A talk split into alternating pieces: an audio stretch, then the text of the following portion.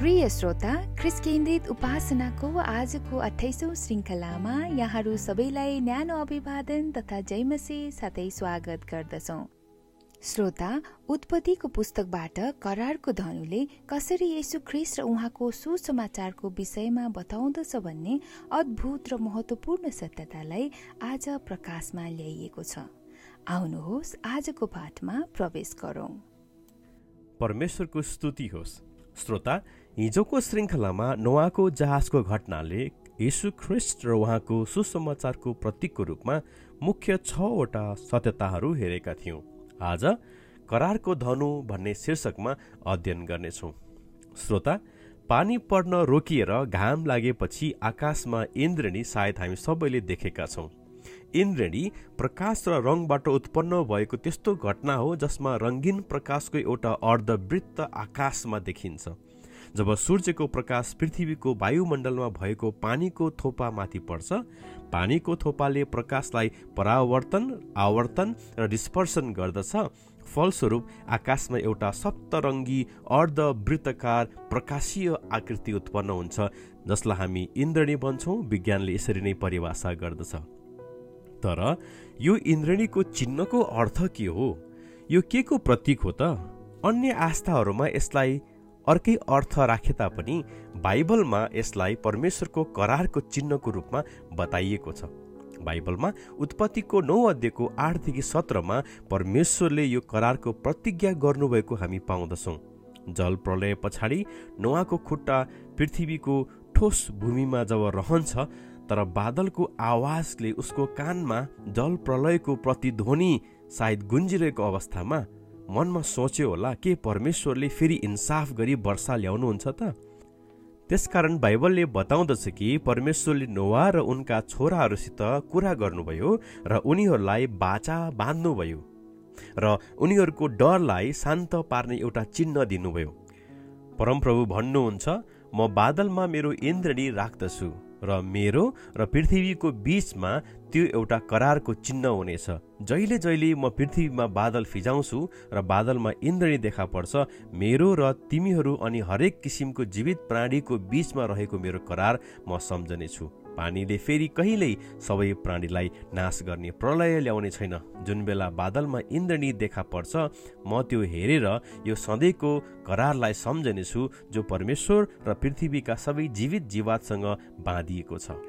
उत्पत्ति नौ अध्ययको तेह्रदेखि सोह्रमा यो खण्ड हामी पाउँदछौँ।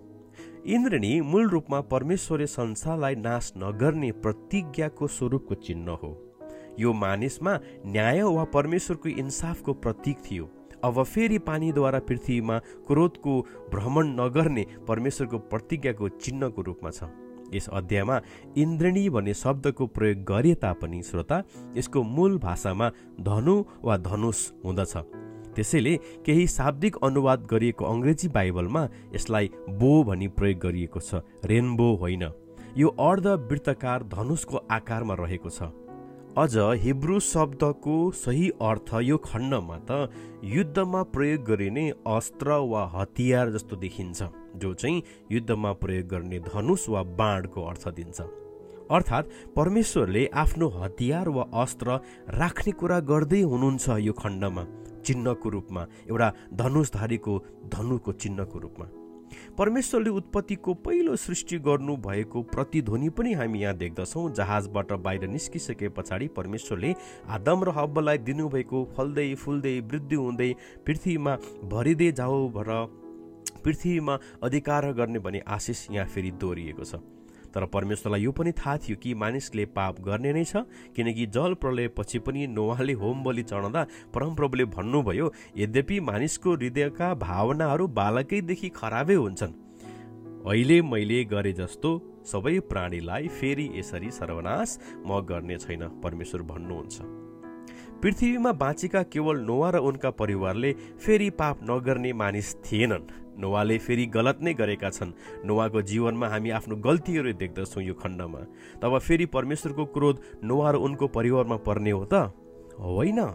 बादलमा आफ्नो धनु राखेर परमेश्वर भन्दै हुनुहुन्छ कि मानिस पापी भए पनि म तिनीहरूलाई नष्ट गर्ने छैन किनकि धनु आकाशमा झुन्डिएको छ तर त्यस धनुमा बाँड छैन। परमेश्वर अब युद्धमा हुनुहुन्न। श्रोता यो करारको धनुले कसरी यसु ख्रिस्ट र उहाँको सुसमाचारको विषयमा बताउँदछ त? बाइबलमा भजन सङ्ग्रहको पुस्तकले परमेश्वरको धनुलाई यसरी बयान गरेको छ। परमेश्वर निष्पक्ष न्यायाधीश हुनुहुन्छ जुन परमेश्वरले प्रतिदिन आफ्नो क्रोध व्यक्त गर्नुहुन्छ। यदि मानिसले पश्चाताप गरेन भने त उहाँले आफ्नो तरबारमा सान लगाउनु हुनेछ उहाँले आफ्नो धनुमा ताँदो चढाउनु हुनेछ। उहाँले आफ्नो घातक शस्त्रहरू तयार पार्नुहुनेछ। उहाँले आफ्ना काँडहरूलाई अग्निबाण तुल्याउनुहुनेछ भजन सङ्ग्रह सात अध्यायको एघारदेखि तेह्र। श्रोता अहिले भर्खरै पढेको खण्डबाट हामी यही कुरा थाहा गर्दछौँ कि परमेश्वर इन्साफ चाहनुहुन्छ। उहाँ अन्यायदेखि सहनुहुन्न उहाँ पापलाईदेखि सहनुहुन्न अनि जसरी भए पनि उहाँले आफ्नो इन्साफ मानिसहरूमा गर्नुहुनेछ। श्रोता तपाईँ र मैले हाम्रो पापको प्रायश्चित गर्न केही गर्नु पर्दैन। किनभने परमेश्वरले हाम्रो लागि गर्नु भएको छ। हामी पूर्ण रूपमा र सदाको लागि विनाशको योग्यका थियौँ तर यसको सट्टामा हाम्रा पापहरूको विरुद्धको परमेश्वरको धर्मी क्रोधको बाण उहाँकै प्रिय पुत्रमाथि प्रहार गर्नुभएको छ। ठिक त्यस्तै तरिकाले जब रोमी भालाले उहाँको छेउमा छेडेको थियो अनि हाम्रो पापको दण्ड पूर्ण र फ्रीमा उहाँले तिरिदिनु भएको छ यसु ख्रिस्टले। त्यसकारण परमेश्वरले केवल एउटै कारणले मात्र आफ्नो धनु बादलमा राख्न सक्नुहुन्छ। त्यो नोवा र उनका सन्तानहरूले अबदेखि पाप नगर्ने भनेको कारणले होइन। वा अबदेखि परमेश्वरले पापलाई व्यवस्था गर्नेछु भन्ने खातिर पनि आफ्नो धनु बादलमा राख्नु भएको होइन। उहाँले आफ्नो धनु बादलमा यसकारण राख्नुहुन्छ किनकि त्यस धनुको बाण अरू कसैमा खर्च गरिएको छ। परमेश्वरले न्यायको बाणको दोषी पापीतर्फ होइन तर निर्दोष ख्रिसतर्फ ताक्नु छनौट गर्नुभएको छ। जब हामी हाम्रो पापप्रति सचेत हुँदछौँ अनि हामी पनि पावलसँगै कराउँछौँ हाय म कस्तो दुखी मानिस यस मृत्युको शरीरबाट कसले छुटाउला? रोमीमा पावलले बयान गरे चाहिँ तब हामी परमेश्वरको त्यो प्रतिज्ञालाई सम्झना गर्छौँ मैले मेरो धनु बादलमा राखेको छु। हामीले पनि परमेश्वरको विरुद्धमा काम गरेका छौँ। हामी पनि कतिपटक उहाँको प्रतिज्ञाको व्यवस्था गरेका छौँ। आफ्नै योजनाको सफलतामा उहाँका वचन र आज्ञाहरू उल्लङ्घन गरेका छौँ। के तपाईँको व्यवहारहरू उहाँको निम्ति सुगन्धित मिठो बास्न भएको छ र? के हामी आफैलाई पवित्र परमेश्वरको सामु पवित्र र धर्मी भई उभिन सक्छौँ त? श्रोता जब तपाईँ आकाशमा धनु देख्नुहुन्छ वा इन्द्रणी देख्नुहुन्छ नोवालाई गरेको प्रतिज्ञालाई मात्र नसम्झनुहोस्। उनलाई गरिएको प्रतिज्ञा झैँ परमेश्वरले तपाईँ र मेरो निम्ति पनि प्रतिज्ञा गर्नुभएको छ भनी सम्झनुपर्छ। हिब्रू आठको बाह्रमा बाइबलले हामीलाई बताउँदछ कि म तिनीहरूका दुष्टताहरूलाई क्षमा गर्नेछु र तिनीहरूका पापलाई म फेरि सम्झने छैन। साथै उहाँ भन्नुहुन्छ म तिमीहरूलाई कुनै रीतिले छाड्ने छैन म तिमीहरूलाई त्याग्ने छैन। तपाईँ पनि यो उद्धारमा सहभागी हुन सक्नुहुन्छ प्रिय श्रोता। ख्रिस्टमाथि विश्वास गरेर। हामी यसुलाई न त छोड्न सक्छौँ न त उहाँ बिना नै बाँच्न सक्छौँ। न त यसु बिना हाम्रो पापको उद्धार नै रहेको छ। किनकि पापबाट प्रायश्चितको निम्ति।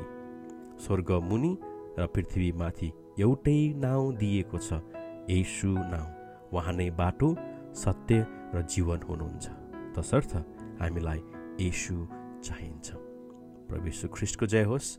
आउनुहोस् हामी प्रार्थना गरौँ। हे परमेश्वर पिता तपाईँले आफ्नो दयाको प्रतीक मात्र होइन तर आफ्नो प्रतिज्ञाको रूपमा पनि आकाशमा तपाईँले आफ्नो धनु राख्नुभएको छ। त्यसैले हामीलाई इन्साफको आँधी बेहरीसँग डराउनु पर्ने छैन। हुन त हामीलाई थाहा छ कि हामी तपाईँका इन्साफको बाँडको योग्यका थियौँ। तपाईँले आफ्नो बाँडहरू ख्रिस्टमा घोच्नु भएको छ र आफ्नो धनुलाई स्वर्गमा खाली ताँदोमा झुन्ड्याउनु भएको छ। त्यसकारण तपाईँको दया र कृपा हामीमाथि राख्नुभएको छ। यो सबै अनुग्रहको लागि यशु ख्रिस्टको नाउँमा धन्यवाद भन्दछौँ। आमेन। श्रोता आजको उपासनाबाट यहाँहरू आशिषित हुनुभएको छ भनी म विश्वास गर्दछु। यहाँहरूले कुनै प्रतिक्रिया सुझाव र सल्लाह दिन चाहनुहुन्छ भने च्यानलको कमेन्ट बक्समा गई सो गर्न सक्नुहुनेछ। परमेश्वरले यहाँहरू सबैलाई आशिष दिनुभएको होस् साथै कार्यक्रम सुनिदिनु भएको लागि धन्यवाद। यहाँको दिन आशिषमय रहोस् भोलि फेरि अर्को श्रृङ्खलामा भेटौँला। जय मसी अब उपरान्त जिउने म होइन तर ख्रिस्टमा जिउनु